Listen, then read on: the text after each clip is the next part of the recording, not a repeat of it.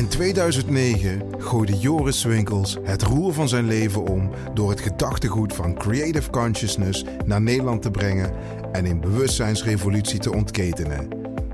De voorbije jaren mocht hij getuige zijn van tal van bijzondere doorbraken en levensveranderende transformaties.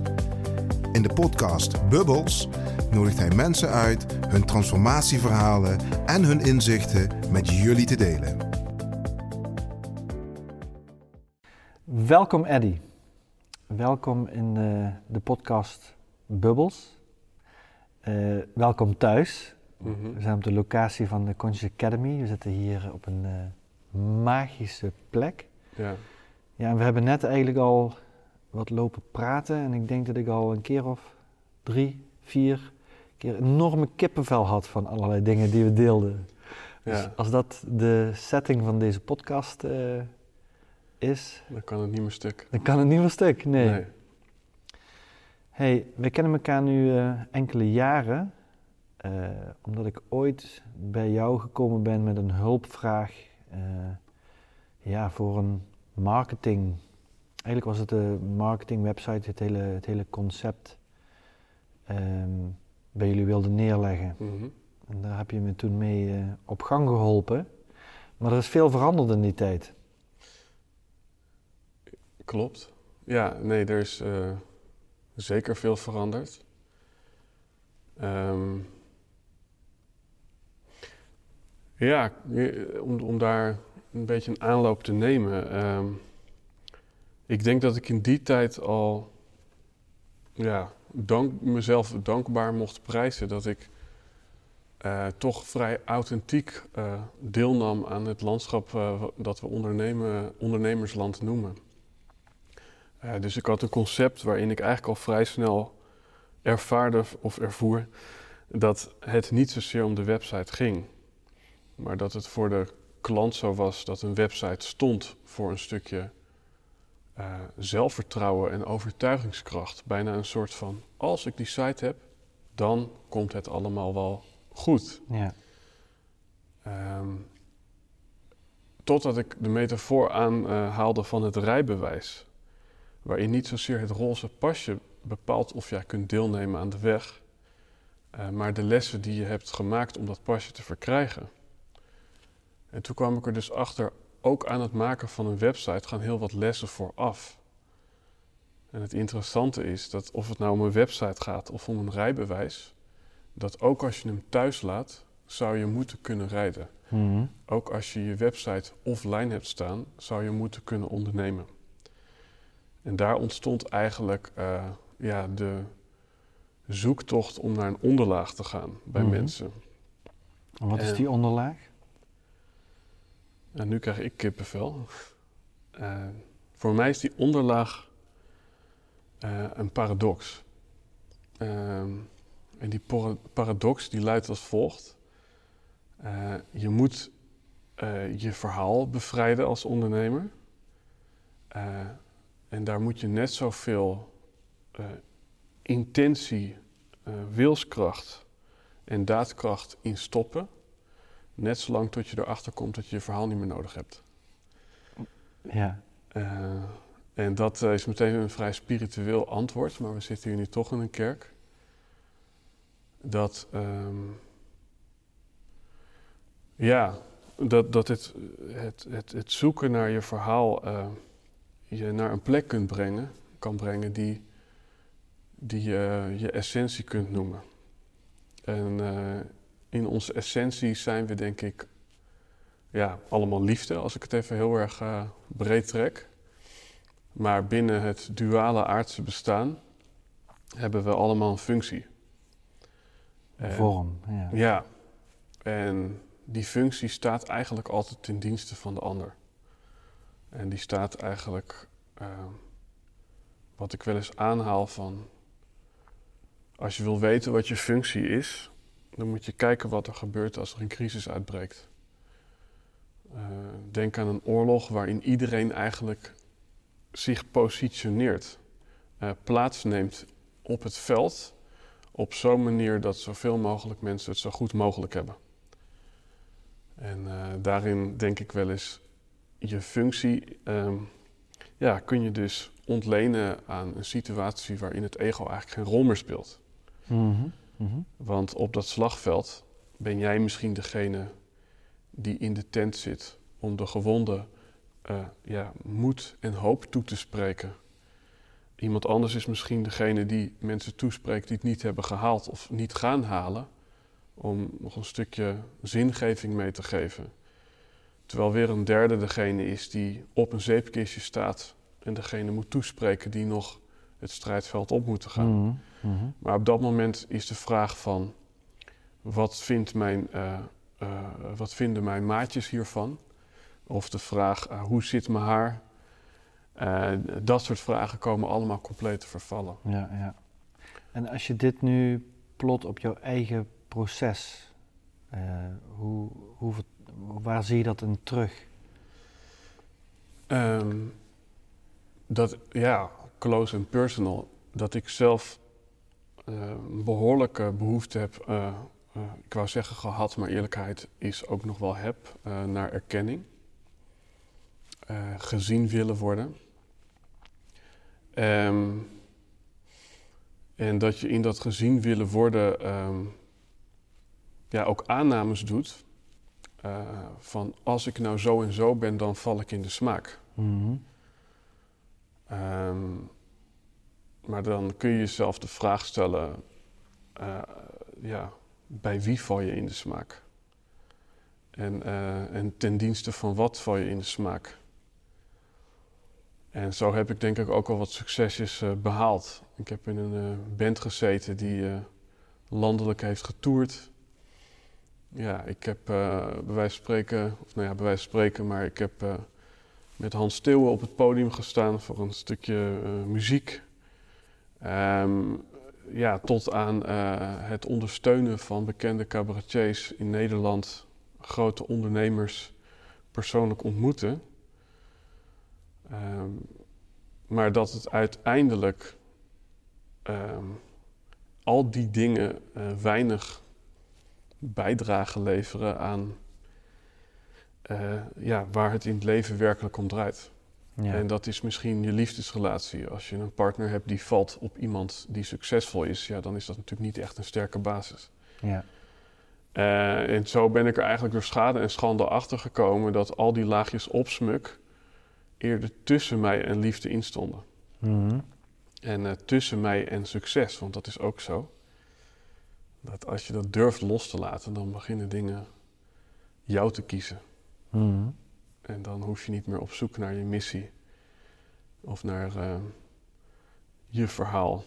En hoe werkt dat? Eh, Want ik ben, ik ben Ja. het helemaal eens met alles wat je zegt hoor. Ehm, dat dingen jou kiezen. Hoe werkt dat? Ja, eh, een quote die ik vaak aanhaal is: je moet kiezen om gekozen te worden. Maar dan vervolgens zit daar ook weer een dubbelzinnigheid in. Dat datgene waar je voor moet kiezen, is om je te laten leiden.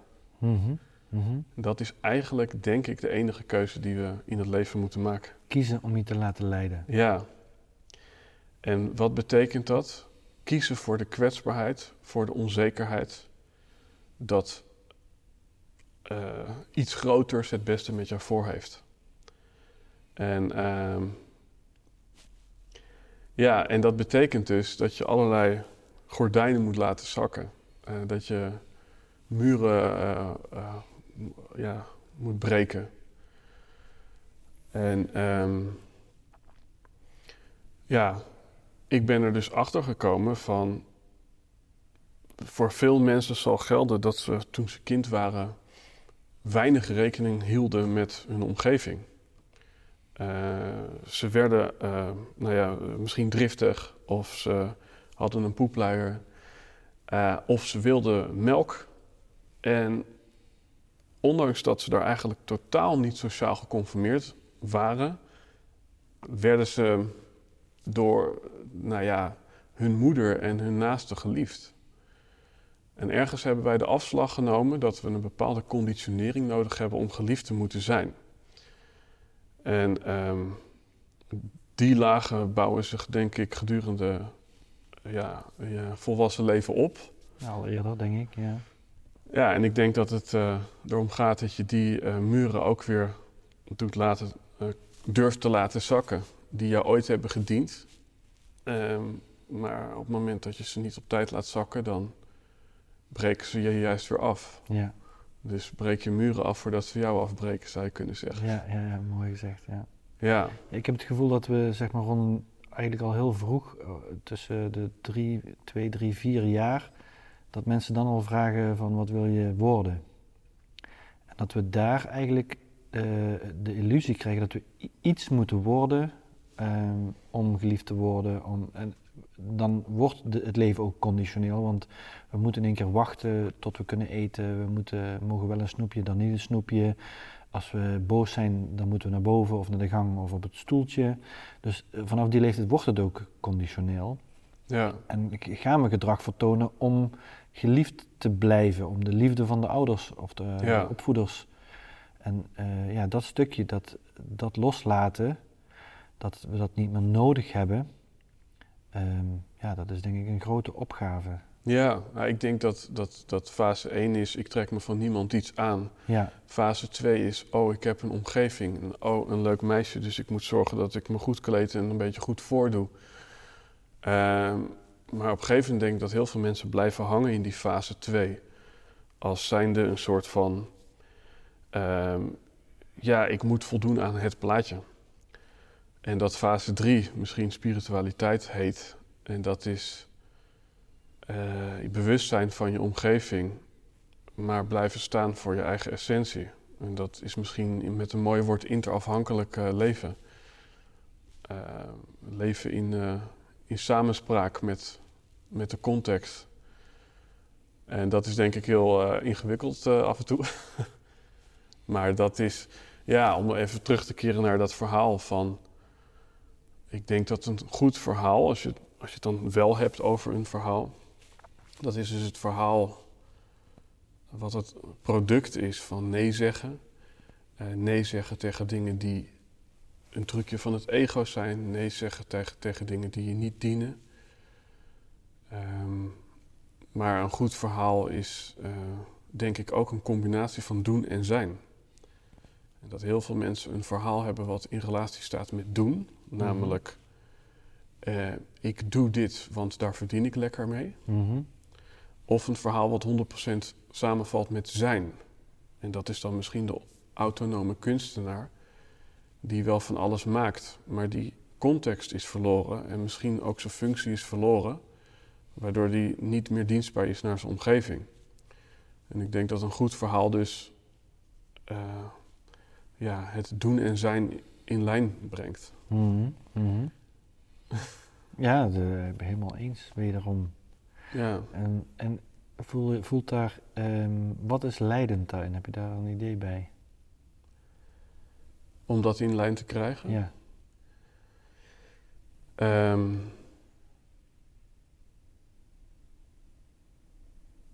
ja, ik, ik zou willen zeggen, eh, leidend is eh, mooi, eh, letterlijk als woord. Want lijden met een lange ei, eh, ja, komt daar ook eh, vaak bij kijken. Het Latijnse woord voor lijden is namelijk passie. Dus de ene kant van de medaille is passie, de andere kant is talent. En talent is vaak het product van datgene waarmee je als kind kon overleven. En passie is het product van datgene wat jou roept, waarvan je bijna kan zeggen: Ik ben hier bereid om voor te lijden. Ehm,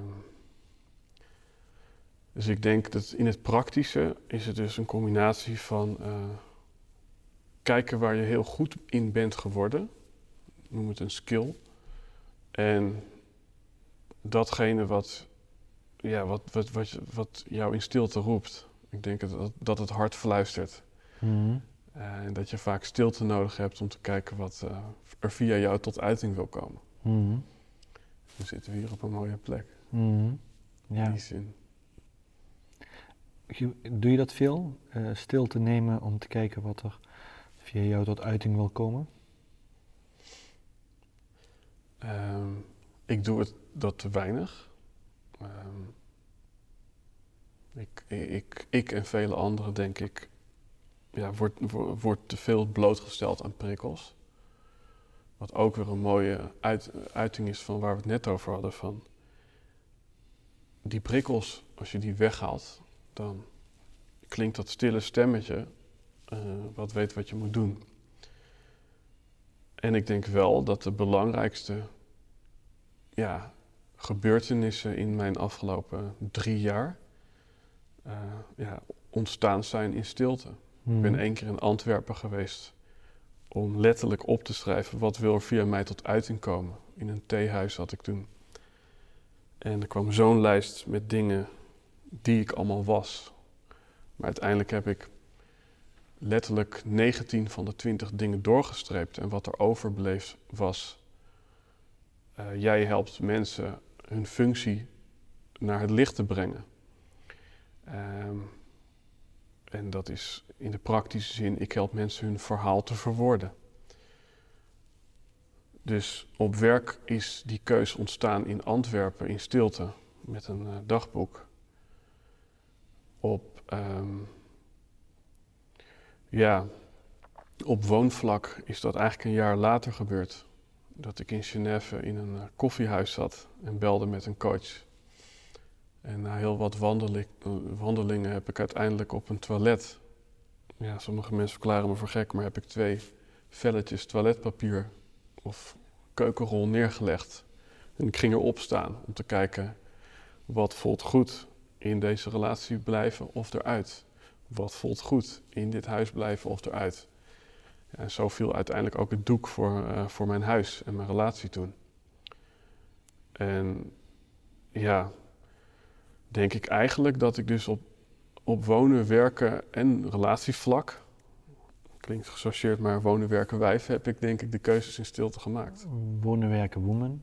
Woman, dat is veel chiquer. Ik, uh, ik zocht nog naar een, uh, een mooie alliteratie uh, om die derde te kunnen dekken. Ja. ja. Hey, wat ik heel leuk vind, ik, ik heb eigenlijk ben ik in aanraking gekomen met podcasten door jou. ik, ik, was toen, ja. uh, je had toen de Helden en Hoorden podcast al. Ja. Dat was een van de eerste in Nederland. En ik mocht toen te gast zijn bij jou en ik vond dat wel zo gaaf dat ik dacht, hé, hey, dat wil ik ook. Ja. Uh, dus daar is mijn, mijn uh, passie voor podcasts opnemen ook ontstaan. Mm -hmm. Maar je hebt inmiddels, uh, ik weet niet hoeveel afleveringen gemaakt, maar... 75. 75. 75 eh, waarschijnlijk hele inspirerende mensen gesproken met, uh, met heel veel jaren aan wijsheid um, achter zich of in zich of bij zich. Um, ja, wat heeft dat betekend voor jou privé, uh, persoonlijk, om, ja, om zo'n zo'n uh, journey te doen met zoveel mensen over zoveel gave onderwerpen?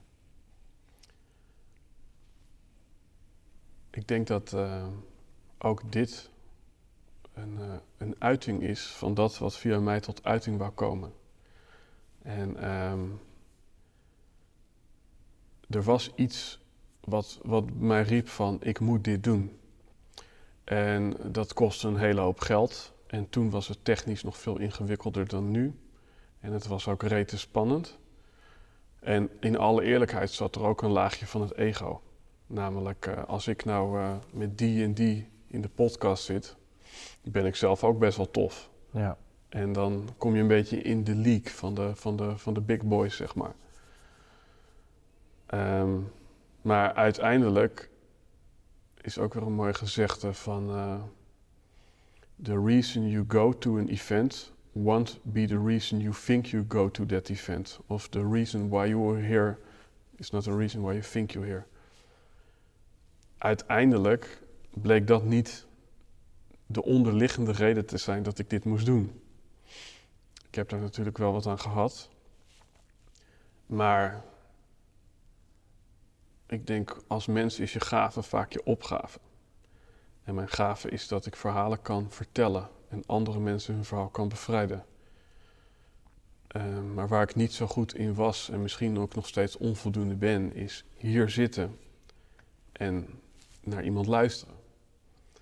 En op het moment dat er drie camera's lopen en er zitten 200 mensen in de zaal en dat wordt ook nog gestreamd op Facebook en Instagram en eh, YouTube, dan uh, is er eigenlijk geen andere optie dan compleet waakzaam zijn en in het moment. Ja. En in die zin zou ik iedereen ja, willen uitnodigen om, om, om, om, al is het maar je partner, gewoon met een klokje erbij een half uur vragen te gaan stellen. Omdat je daarmee uit het verhaal komt wat je misschien al aardig kent, namelijk je eigen verhaal.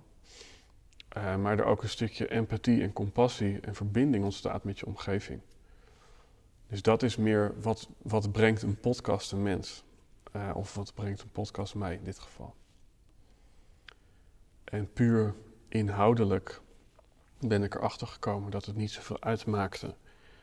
Of het Wim Hof was met zijn ademhaling, Richard de Let met zijn voedingsprogramma, of een startende documentairemaakster met een uh, ja, muziekproject in uh, Mexico.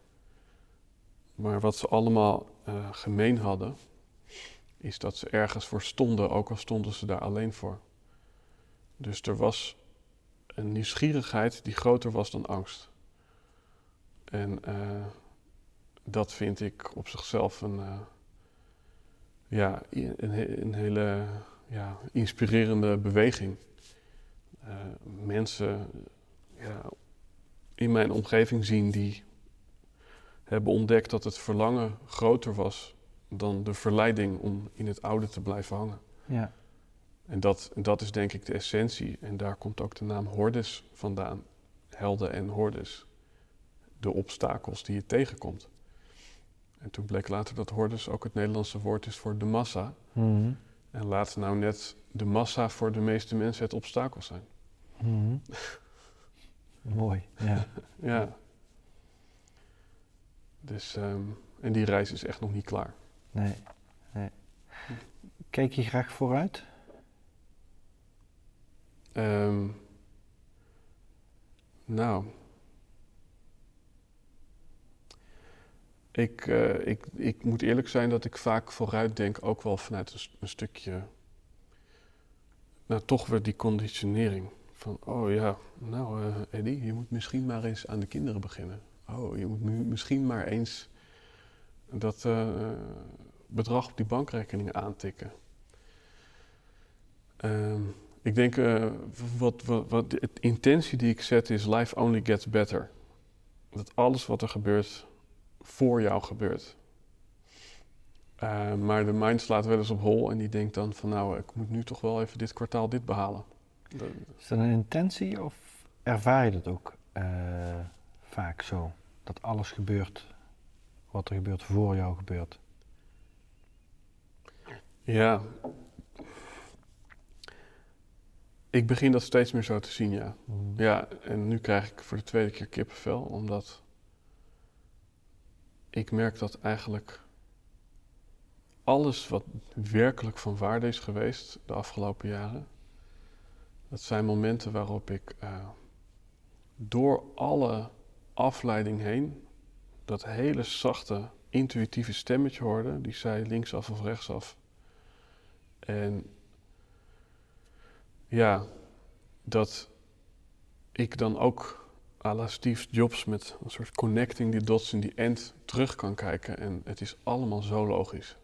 Het, het had niet anders kunnen zijn. En dan denk ik, het kan alleen maar beter worden. Mm. Ja. Mooi, Ja. heel mooi, ja. Ja, we hebben binnen Conscious Academy hebben we twee hoofdleerlijnen. Eén is de vrijheid om alles te mogen zijn. En twee is de vrijheid om niks te hoeven zijn. En mijn of onze filosofie is dat in het gaan ontdekken dat je alles mag zijn en wat je daarin bent, eigenlijk de bevrijding van jezelf op allerlei niveaus. Ja, daar, daarin, in de, in de bevrediging daarvan, daar ontdek je dat je eigenlijk voor de rest, dat je eigenlijk helemaal niks hoeft te zijn. Mhm. En ehm, naarmate dat je meer ruis daarin op een gegeven moment weg gaat laten, doordat je alleen maar de essentie overhoudt, ja, heb ik het gevoel dat, dat, er, dat, dat eigenlijk alles wat er gebeurt echt is voor mij of voor ons of En dat zelfs de dingen die me tegenwerken, dat die er voor me zijn.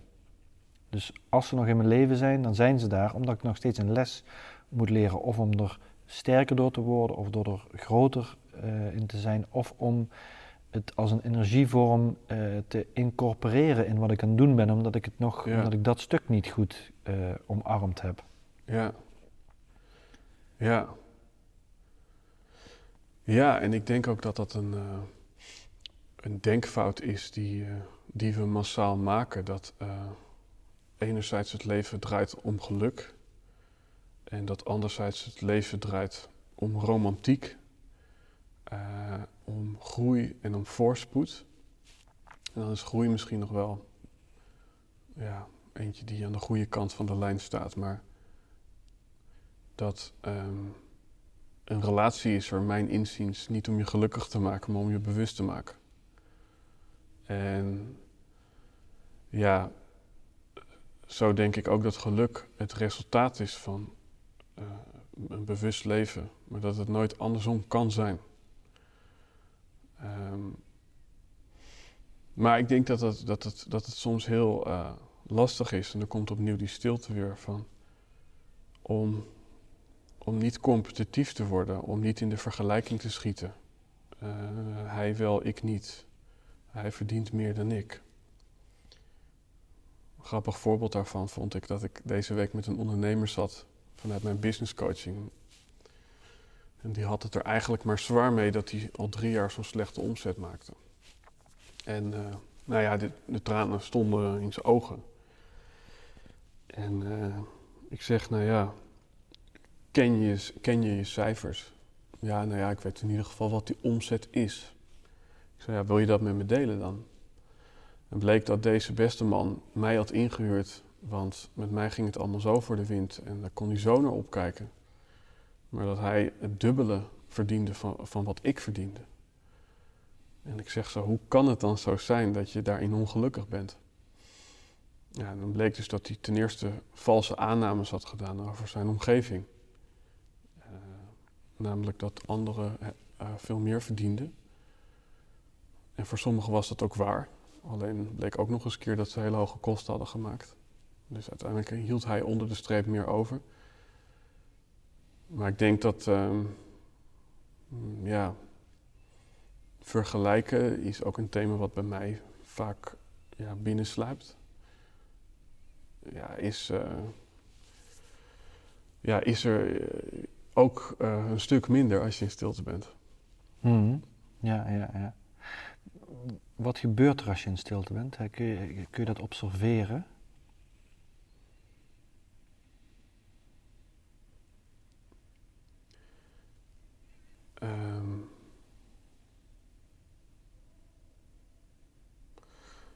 Nou ja, dat is taaltechnisch een mooie paradox.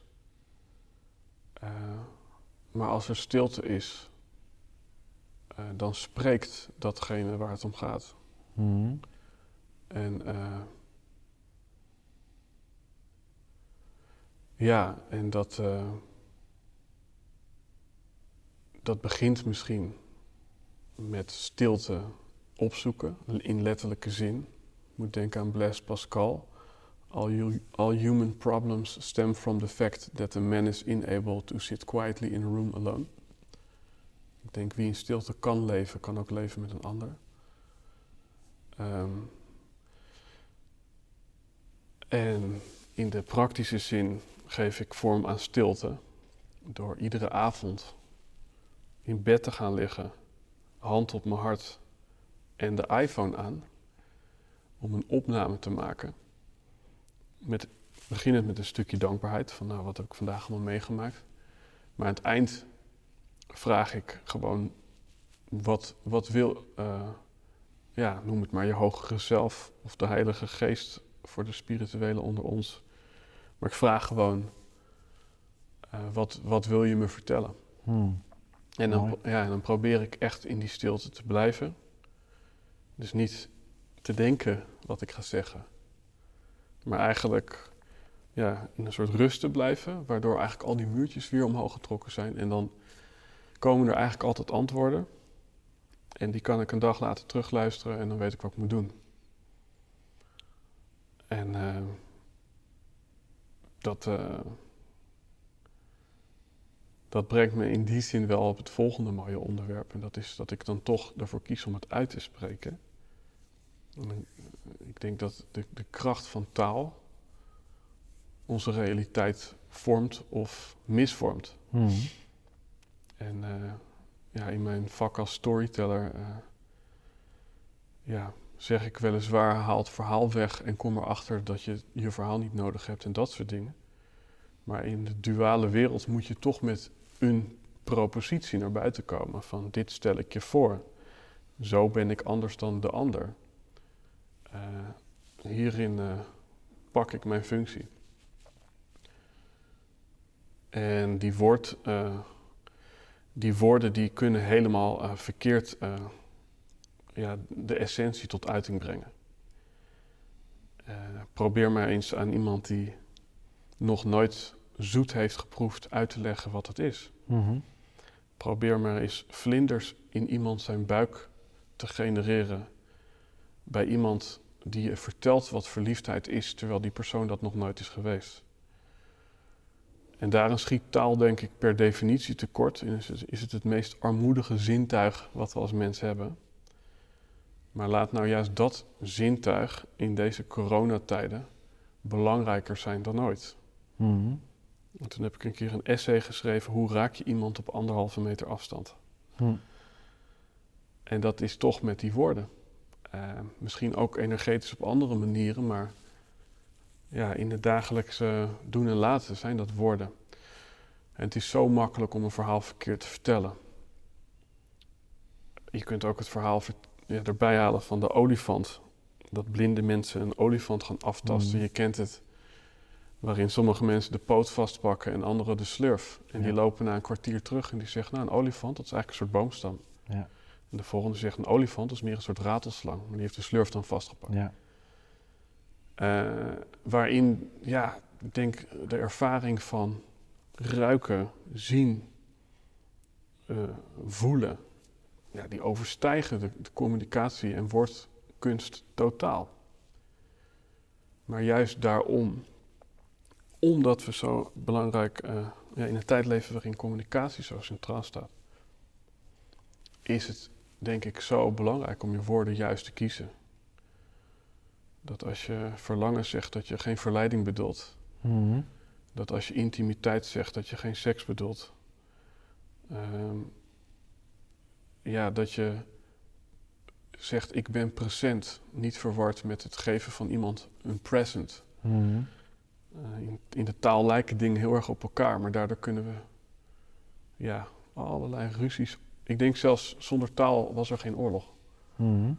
En daarom is het zo belangrijk dat we onze woorden op de juiste manier eh, tot ons nemen. Mhm. Ja, ik, ik, wat ik daar ook in zie, is dat ehm, in ons bewustzijn krijgt de wereld vorm in taal. Ook al, eh, dat is niet de communicatietaal, maar dat is de ordening die wij in ons bewustzijn geven, waar we vorm mee creëren. Maar die wereld, die bestaat in ons bewustzijn. Terwijl we denken dat die wereld buiten ons op die manier leeft. Maar dat is niet zo buiten ons leeft wel iets, maar dat wat we waarnemen, dat in onze perceptie wordt dat in ons bewustzijn, wordt het wat het is. En als wij praten over iets waar we het, hetzelfde woord aan geven, dan is het toch dat we het hebben over twee dingen. Eentje mijn bewustzijn en in jouw bewustzijn. Ja, mooi. En omdat we dat niet doorhebben, denken we dat we het over hetzelfde hebben. En Ja, daar kunnen we dus ja. oorlog over krijgen, want het, het lijkt echt zo. Ja, en dat is inderdaad, dan kun je eigenlijk nog stellen dat als we hierover zouden filosoferen, dat zelfs als je je woorden zo nauwkeurig mogelijk kiest, dan zeg ik wel eens, als je het woord watermeloen kiest, Ja. en je zoekt op afbeeldingen bij Google, dan zie je ook alleen maar watermeloenen. Ja. Dus dat woord zal alsnog in jouw bewustzijn net anders zijn dan in die van mij, maar bepaalt wel ongeveer richting. Maar het woord vrijheid, eh, ga dat maar eens googlen op afbeeldingen, dat, dat situeert voor de ene de PVV en voor de andere eh, de Eiffeltoren en voor een derde een duif. Ja. En dan heb je het echt over iets anders. Ja. Ehm, En dan ook al heb je het over watermeloen, dan nog zou, zou ik de ruimte, of heb ik de ruimte, zou ik de ruimte moeten hebben dat eh, als jij daar iets anders over vindt of iets anders ervaart of het er niet mee eens bent, dat je zegt een watermeloen is blauw, terwijl ik echt weet dat al die plaatjes groen zijn, dat ik toch de ruimte heb van oké, interessant, om dan in jouw wereld te kruipen, om mee te gaan onderzoeken naar die blauwe watermeloen. Want uiteindelijk, als ik samen met jou door één deur wil of eh, wil bewegen met, met jou, in wat voor vorm dan ook, dan zal ik in jouw wereld van jouw taal moeten kunnen meebewegen. Ja. Ja. Ja, en dit doet me ook denken aan een boek wat wij volgens mij allebei hebben gelezen van uh, eigenlijk de opnieuw paradox dat we denken dat iets bijvoorbeeld hè, een beker is en daarna noemen we het een beker. Maar het is precies andersom. We noemen het een beker en daardoor wordt het een beker. Ja. Want als je naar een Afrikaanse stam een uh, vork meebrengt en je zegt niet dat het een vork is en ze hebben hem nog nooit gezien, dan denken ze misschien dat het een tentharing is. Ja. En dan verdwijnt hij ergens in, uh, in de aarde. Ja, of een speer. Ja, ja precies. En dat uh, betekent dus dat ja, de realiteitszin het gevolg is van welke woorden je kiest. Ja. En dat zijn ook de woorden van de, de gedachten die je hebt. En daarmee ja, kun je misschien zelf stellen dat je hele gezondheid, ook je mentale gezondheid, ja, het resultaat is van hoe je dingen uh, intern benoemt. Ja. ja, dus ik denk dat, het, dat de, de heiligheid van het woord, of de heilige verbinding met het woord, dat dat een hele belangrijke is. Ja, en dat is ook het mooie waar we het net over hadden. En dan krijg ik voor de derde keer toch een soort van kippenvel van iedere keer als wij, ook voor dit gesprek, zo'n moment hadden, dan weten we eigenlijk al wat er gezegd gaat worden. Uh, en dan ontstaat die soort van lichamelijke sensatie. Ja. En dat is dan het mooie van we willen iets in woorden tot uiting brengen, maar eigenlijk schieten woorden letterlijk en figuurlijk tekort. Ja. En, uh, en dat is misschien een communicatievorm die, uh, ja, die we meer zouden mogen omarmen.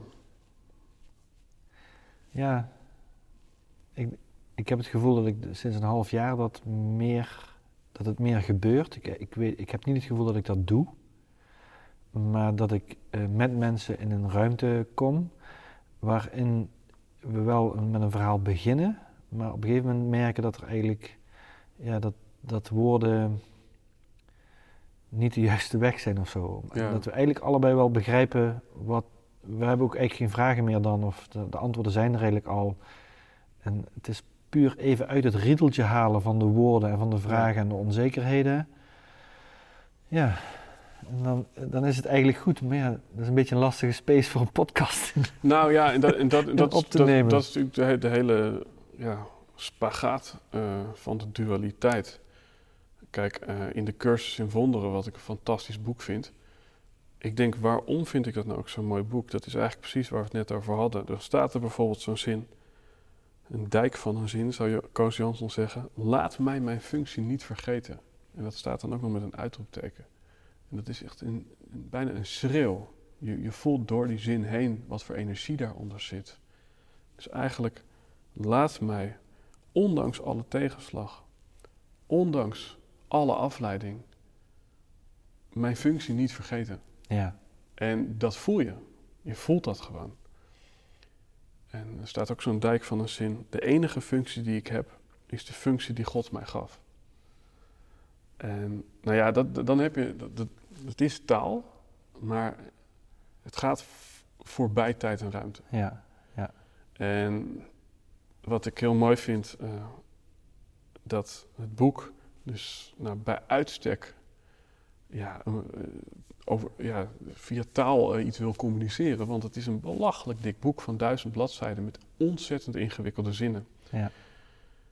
Maar dan heb ik ook de overtuiging van, lees het maar gewoon. Alles wat niet binnenkomt, is ook niet voor jou op dit moment. En dan staat er in dat boek: woorden zijn slechts symbolen naar symbolen. En daarmee twee keer verwijderd van de realiteit. Ja. Ja, en dat is waar we het nu over hebben. Ja. Ja. En, eh, en toch eh, wordt dat dan in woorden tot uiting gebracht. Ja, ja, ja, Ja, dat is wel het, de manier waarin we die verbinding of gezamenlijke beleving proberen te vinden buiten fysieke contact en dat soort eh, andere verbindingen. ja, Je benoemt nu een aantal keren het woord God. ja. Wat, wat is de betekenis daarvan voor jou? Ja, er wordt wel gezegd dat ehm, een derde van de mensen uiteindelijk toch terugkeert naar het geloof of de conditionering waarin ze in zijn opgegroeid. En ik heb me enorm afgezet tegen de kerk. Idioot. Eh, ik ging wel naar de kerk als kind en ik schaamde me dood. Op het schoolplein wist niemand dat ik mijn communie had gedaan.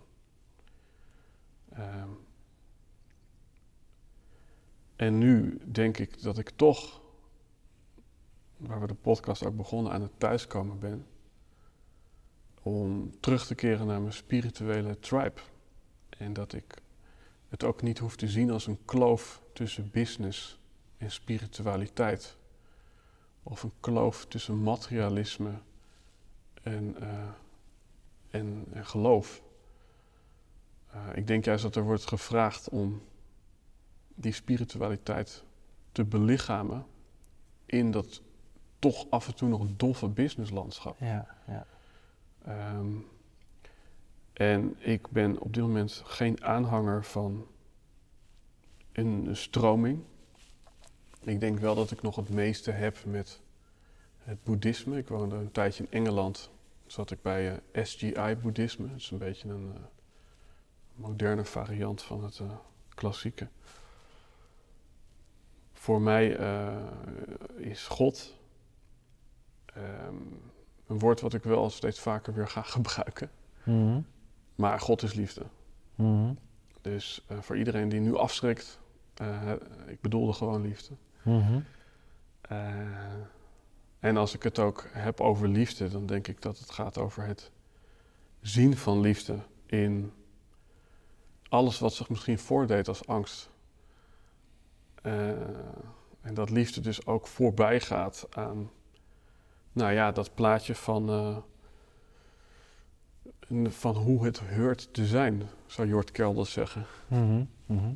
Ehm, waar we het net over hadden, life only gets better. En wat nou als alles liefde blijkt te zijn. Mhm. En dat alles wat niet liefde is, een vergissing is. Ja. Nou ja, laatst hoorde ik iemand zeggen, eh, het leven bestaat uit liefde geven en een roep om liefde. That's all. Ja, mooi. Alles wat niet liefde geven is, is een roep om liefde. Ja, En ik heb zelf, een, denk een jaar of twee terug, een moment gehad dat ik, eh, ik was aan het onderzoeken of eh, de vrije wil bestond. Eh, Een van mijn avonturen. Heerlijk om dat onderzoek in te gaan. En dan kun je allerlei, ja je kunt er natuurlijk heel veel over lezen en video's over zien, maar er zijn net zoveel meningen over als dat er mensen zijn. Dus ik denk, ja, ik moet het gewoon zelf kunnen zien. Ik moet, als ik het niet, zolang als ik het niet zelf zie, is het geloof, ja, en dan zijn alle geloven ten opzichte van elkaar, weet ik niet wat ik moet geloven. Dan geloof ik maar liever niks of zo. dus ik- ik geloof het wel na al die geloven. Ja, precies. Dus ik ging het onderzoeken. Ehm, en toen ben ik gaan onderzoeken eh, van eh, wat, wat kan ik doen uit vrije wil? Is er iets wat ik kan doen wat op dit moment, wat ik vrij kan kiezen om nu te doen? En toen ik dat ging onderzoeken, bleek dat alles wat ik deed, gewoon mijn onderbewustzijn, processen, automatismen in mijn onderbewustzijn waren. Mijn praten, mijn bewegen, mijn autorijden. Ik zat op dat moment in de auto. Eh, mijn ademen, mijn denken, mijn... Ik, kon niks, echt helemaal niks vinden wat ik bewust kon doen. En dan deed ik mijn hand van de ene plek van het sturen naar de andere plek. En dan dacht ik, ja, maar waar... Oké, dat denk ik dan... Ik denk dat ik dat bewust deed. Maar waarom deed ik het van hier naar daar? En waarom niet naar daar? En Mhm. eh, dat was toch weer een compleet onbewust proces. En op dat moment kwam er een soort, ja, eh, ja dat, dat mijn identificatie met mijn doener, dat die eventjes verdween. Want ik, ik zag dat ik dat gewoon helemaal niet was. Ik, ik had er niks mee te maken zelfs. En dat was ook het moment dat ik zag dat liefde, dat alles liefde is. Dat wat ik ben, is gewoon hetgene wat, waarin dat gebeurt, wat het waarneemt, wat het ervaart. Maar of ik dan iets heel moois ervaar, of iets heel lelijks ervaar, of de grootste tegenslag ervaar, of de lelijkste gedachte, de liefde die ik heb voor die lelijkste gedachte is net zo groot als de liefde die ik heb voor de mooiste gedachte. En daarin ja, landde heel diep dat stukje van alles, alles is liefde. Ik ben liefde. En binnen die liefde, ja, daar heb je allerlei ervaringen. Ja. Ja, super mooi. Wat je überhaupt uh, zegt, hè, van waar ik ook ja, op resoneer is dat stuk van zoeken naar nou ja, betekenis in allerlei boeken. Ik denk het is natuurlijk makkelijker dan ooit om je ook te verdiepen met al het uh, internet, YouTube. Maar ook daarin kun je, kan, kan het weer een trucje van het ego worden in plaats van van, uh, van je hogere zelf om zo'n ja, zoektocht uh, te gaan doorlopen. Ik, ik denk zelfs dat het hogere zelf een trucje is. Dat, Ga verder. Ja, nou dat. Uh, in, in, dat, in die leerlijn om de vrijheid om alles te mogen zijn, vormen we volgens mij een identiteit. En die identiteit is in eerste instantie onbewust. En ja, dan volgt die allerlei geconditioneerde paden. En dan krijgen we een soort awakening. Uh, waarin we zeggen, nu komt er een hoger bewustzijn of een hogere zelf of mijn ziel of dan worden we een soort wakker aan een, een hoger doel. Maar dat doel is nog steeds een soort doel. Dus het is nog steeds een vorm van onszelf voortbrengen. Het is nog steeds uh, een ja, uitgaande manifestatie van vorm. Het is dan wel niet meer zo onbewust en uh, gelinkt aan hogere waarden en gelinkt aan eenheidsbewustzijn, maar het is nog steeds een vorm van onszelf vorm geven. En volgens mij is alles wat, waarin we onszelf vorm geven, is volgens mij een trucje. Want uiteindelijk gebeurt het gewoon allemaal. En wij mhm. denken dat wij degene zijn die dat doen. Ja. Ja.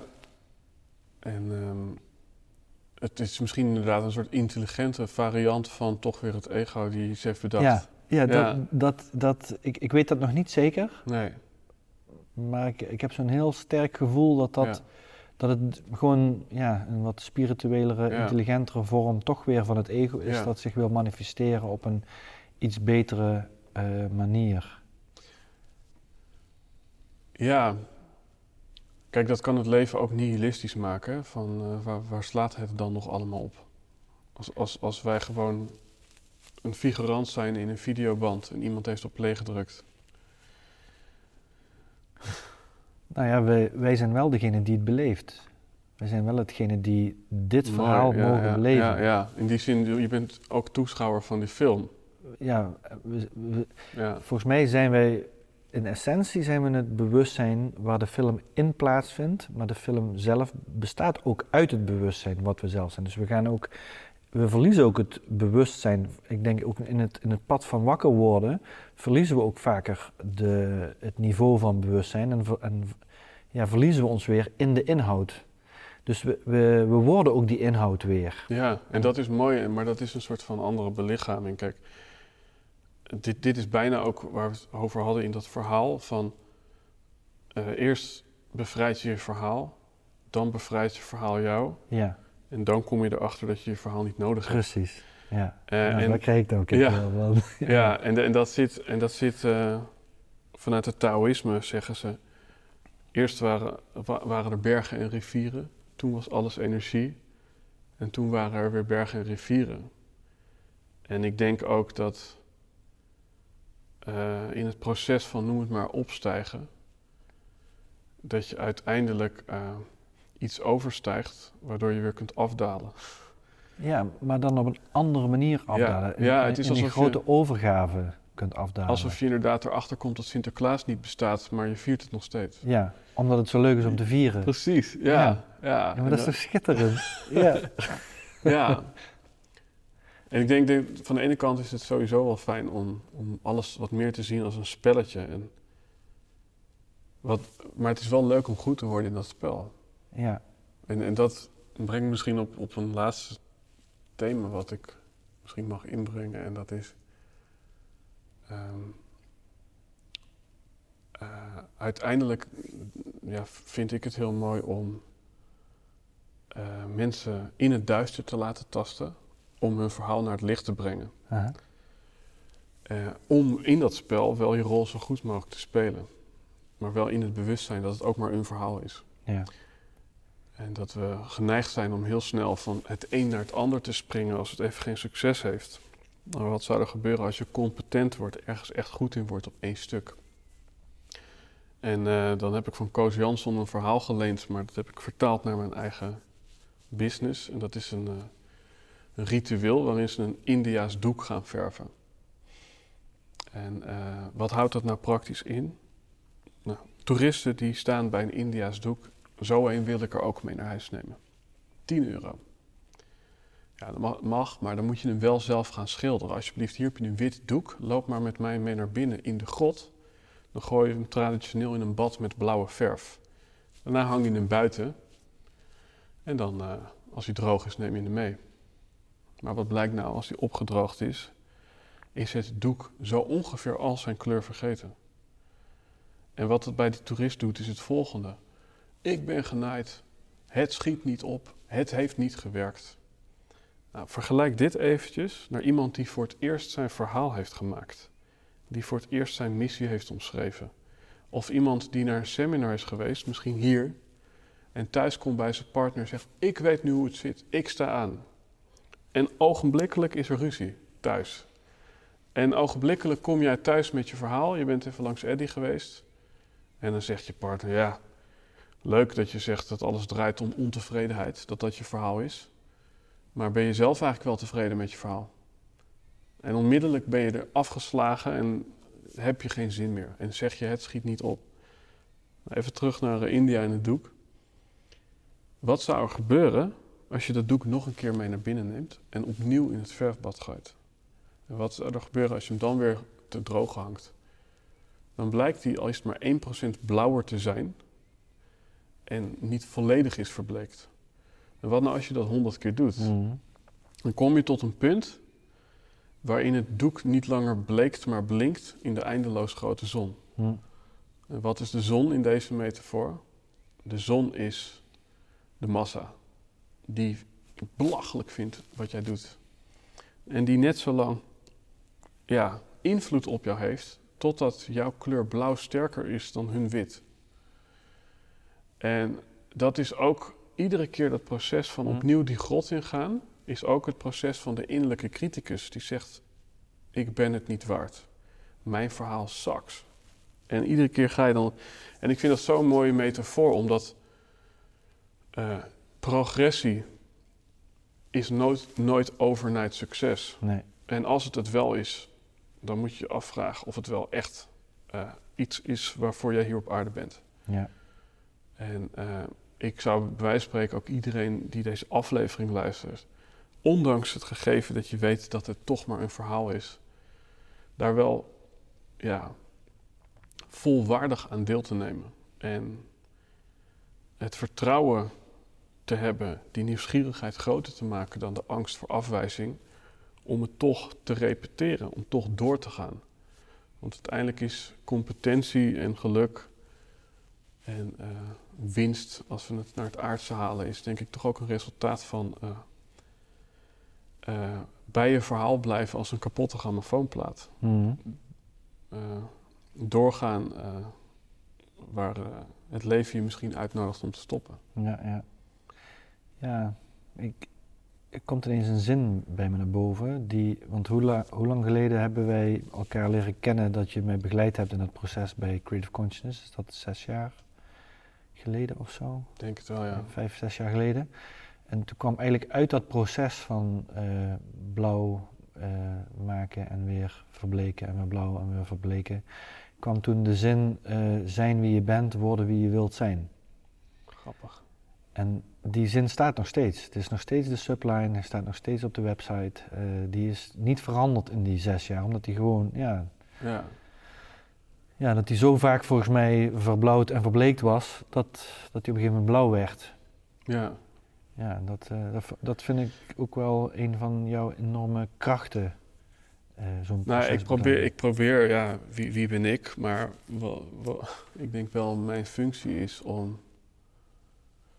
eh, de best bewaarde geheimen van Nederland naar het licht te brengen. En eh, dat doe ik door middel van taal op dit moment. Ja, En het liefst esthetisch. Want wat ik ook wel eens aanhaal van, eigenlijk is mijn missie eh, om mensen te raken zonder kogels te gebruiken. Mhm. En dan haal ik wel eens aan van, je kunt de dam oprennen met een pistool. En je weet één ding zeker, iedereen kijkt naar je. Je hebt van iedereen de aandacht. Maar kun je ook de dam oprennen zonder wapen en toch iedereen in het hart raken? Hm. En daarin vind ik het ook mooi om de kracht van taal te vertalen naar esthetiek. Om het niet alleen naar zijn essentie te brengen, maar ook eh, in al zijn schoonheid weer te geven. En zo'n Ja. zin die jij net noemt, daar zit ook een bepaalde poëzie in. Ja.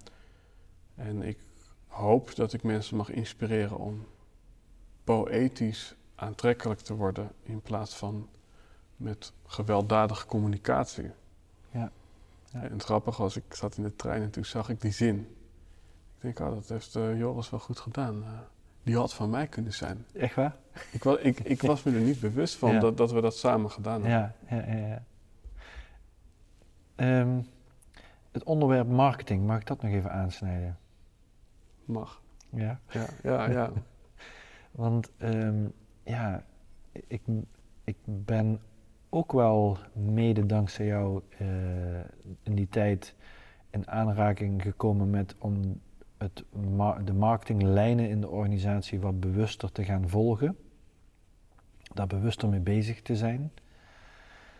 Ehm, maar inmiddels ben ik ook een beetje ja, energetisch klaar of zo met, de met marketing. En ik, daarmee doe ik het tekort, want het is een heel groot begrip. Maar heb ik het idee dat we met alle marketing trucken in de wereld en wassen neuzen in de marketing enzovoort ook eh, een beetje de markt verpest hebben. Eh, weet je, Mhm. geen, geen, geen woord is nog te vertrouwen, bij wijze van spreken. Geen e-mail is nog te Mhm. geloven. Maar ja, ja. En dat, eh, ja, ik, ik heb zelf eigenlijk, ik, ik heb mijn Instagram-account weggedaan. Eh, Facebook nog niet. Eh, ik zit er bijna niet meer op Mhm. omdat ik, ik voel dat ik naar het, ik wil naar het face-to-face, het lijfelijke, het eh, verbinding met mensen en niet meer de rest van het hele verhaal. Omdat ik geloof dat ook binnen organisaties eh, de focus zo kan liggen op het bezig zijn met het online verhaal en de marketing en dat soort dingen. Ja, dat we eigenlijk het klantcontact en het echt afleveren van de kwaliteit en de- het onderhouden van de relatie en de dingen waar het echt om gaat, dat we Mhm. die, dat die eh, ja, een ondergeschoven kindje worden. Mhm. Hoe kijk jij daarnaar? Ja, ehm, wij hebben het toen in het traject eventjes kort gehad over het verschil tussen market giving en market getting. Ja, En als ik dat even in het kort praktisch herhaal, dan is eh, het traditionele marktvoeren eh, gaat uit van ook die market giving. Dus je staat op de markt en je kunt een blo- blokje kaas komen proeven. En je krijgt iets. En als je daarna wegloopt, is het goed. Maar als het water je in de mond loopt, dan loop je naar binnen en dan koop je een blok kaas. En voor sommige mensen heeft dat eh, drie weken nodig en drie blokjes kaas. En voor anderen is het meteen raak. Maar het gaat uit van een stukje geven. En ik geloof dat als we het dan opnieuw over onze functie hebben, dat onze functie eindeloos is. Eh, uiteindelijk is die onderliggende functie liefde. En die is altijd in iedereen en overal. En waar jij hiervoor bent, is er ook altijd in overvloed. Eh, liefde is denk ik een van de enige dingen die je kunt delen zonder dat het halveert. En daarin zit voor mij eh, eigenlijk de over- overtuiging en vertaling naar marketing. Je, je marketing eh, moet niet voorwaardelijk worden. Eh, en dat is het vaak. Mensen denken, als ik nou bepaalde priming techniek toepas, bepaalde psychologische trucjes eroverheen leg, dan ja, slaat het reptiele brein op hol en gooien ze hun winkelmandje vol. En dat is misschien ook wel zo. Alleen de uiteindelijke voldoening aan de kant van de ondernemer en aan de kant van de klant zal uitdoven. Daarmee kun je nooit een diepte-relatie opbouwen. Omdat mensen denk ik altijd, nadat ze één keer dat mandje hebben volgegooid, ja, denken van, maar het was eigenlijk niet mijn type kaas. Ik hou eigenlijk niet van, uh, van pittenkaas, maar meer van geitenkaas. Hmm. En dan ben je eigenlijk, heb je eigenlijk iemand gehypnotiseerd. En ik denk dat je als mens automatisch altijd hypnotiseert, omdat je toch op een bepaalde manier ja, kiest vanuit de gedachte dat je wel kunt kiezen hoe je je profileert. Maar marketing ehm, heeft een, wat mij betreft nog zijn waarde niet verloren. Ik noem het voor het gemak geen market getting marketing, maar market giving. Maar komt vanuit een hele andere onderlaag. Ik heb er bijvoorbeeld voor gekozen om de afgelopen 100 dagen iedere dag een verhaal te schrijven. Iedere dag een verhaal op Instagram te zetten over ofwel storytelling ofwel woordkunst, ondernemerschap, uh, overtuigingen. Met als gevolg dat ik uh, steeds competenter ben geworden. Want als je jezelf iedere dag de vraag stelt: als ik vandaag een verhaal zou moeten schrijven over mijn vakgebied, wat zou dan het verhaal zijn? Dan zie je op een gegeven moment vanuit een soort selectieve perceptie overal om je heen aansluitingspunten met die, uh, ja, met, met, met die boodschap. En uh, als jij degene bent die honderd dagen lang iedere dag een half uur of een uur nadenkt over iets, dan ben je waarschijnlijk degene die bij de top 20% komt in jouw markt. En dat is in het aardse leven misschien toch wel leuk of in dualen. Ja. Maar waar het vooral om gaat, en dat heb ik echt bij mezelf ontdekt, ik kon mijzelf af en toe troosten met een goede blog. Um, ik kon af en toe iets schrijven en als dat vanuit zuiverheid kwam, dan kon ik het teruglezen en dan was het een les voor mezelf. Net zoals die iPhone-opname in de avond. En dat je eigenlijk volledig moet loslaten dat je op dat marktplein staat. En dat je dus ook niet hoeft te schreeuwen en geen kogels hoeft te gebruiken. Maar dat je jezelf wel iedere dag de vraag mag stellen, als je die kaasboer bent: hoe maak ik kaas die ik zelf heel lekker vind? Of zoals ze in de Belgische dag Sinterklaas zeiden. Toen zei Sinterklaas, dat hoorde ik als kind al: ik maak alleen maar pepernoten die ik zelf lekker vind. En dat klinkt egoïstisch, maar als je daar echt met liefde ja, die pepernoten hebt bereid, dan zullen ze altijd in de smaak vallen bij de mensen die ze ook lekker vinden. En ik denk dat als je vanuit de beweging komt van wat nou als ik gewoon ja, een diepte relatie aanga met mijn thematiek, dan kom je ook op een rare natuurwetmatigheid die eigenlijk zegt, als je, wil, uh, als je verhalen wil kunnen vertellen, ga, ga je verhaal vertellen. Ja, ja. Als je een glimlach wil, geef een glimlach en dan kom ik bij jou uit. Ik heb nooit vergeten, dat zei je een jaar geleden in een podcast. Als je een knuffel wil, dan moet je iemand aanraken. Mhm. En in die zin kan je eigenlijk, denk ik, zoveel essentiële dingen in het leven jezelf cadeau doen. Je hoeft niet te wachten tot het je, tot het je aankomt waaien. En ik denk, hoe mooi zou het zijn als we marketing benaderen vanuit de gedachte dat je alles al weet. En dat je alleen getraind moet raken in het naar de vorm brengen. En dat kan je doen met een verhaal of een video of een foto. En dan, mijn dag is al geslaagd als ik het verhaal af heb. En desnoods uh, schrijf ik het op een bierveeltje uh, die ik daarna in, in, een laadje leg. Het is echt bijvangst op het moment dat mensen het liken en leuk vinden. En ja, mijn ego vindt likes fantastisch. Ik ben ook een ondernemer. Maar ik probeer wel te zien dat het een spelletje is. Ja, heel mooi. mooi. Ja. Hey, als afrondende vraag. Um, 70, 75 podcast, een aantal jaren aan uh, persoonlijke groei, spirituele ontwikkeling. Wat, wat vind je de mooiste of belangrijkste boodschap die je uit wil dragen?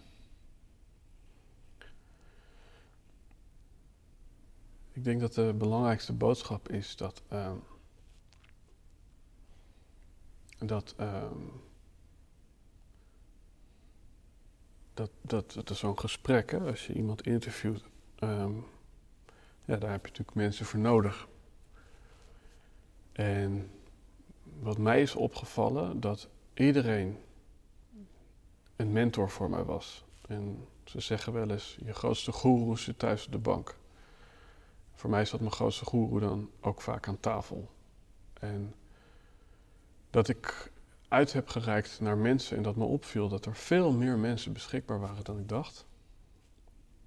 Mensen die ik had opgeschreven, die ik volgde, waar ik al mensen noem even Jan Geurts of eh, Richard Telet.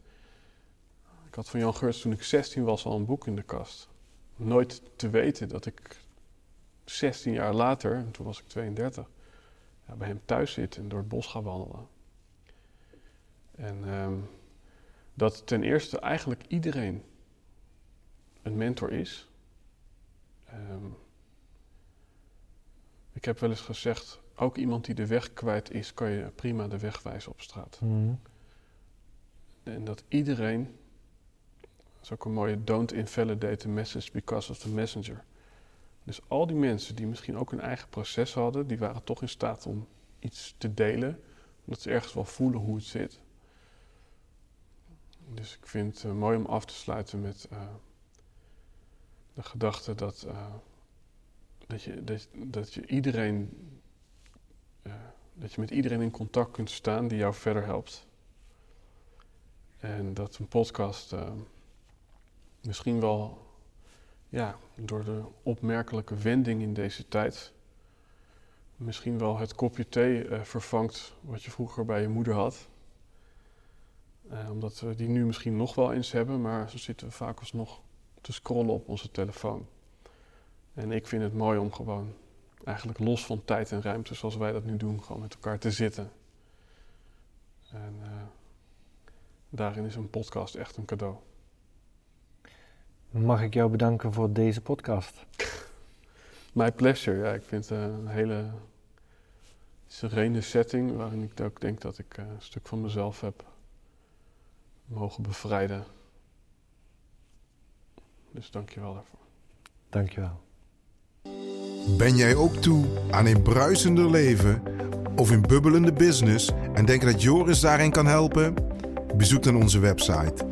Neem contact op via www.bubbles.cc. Tot de volgende bubbels.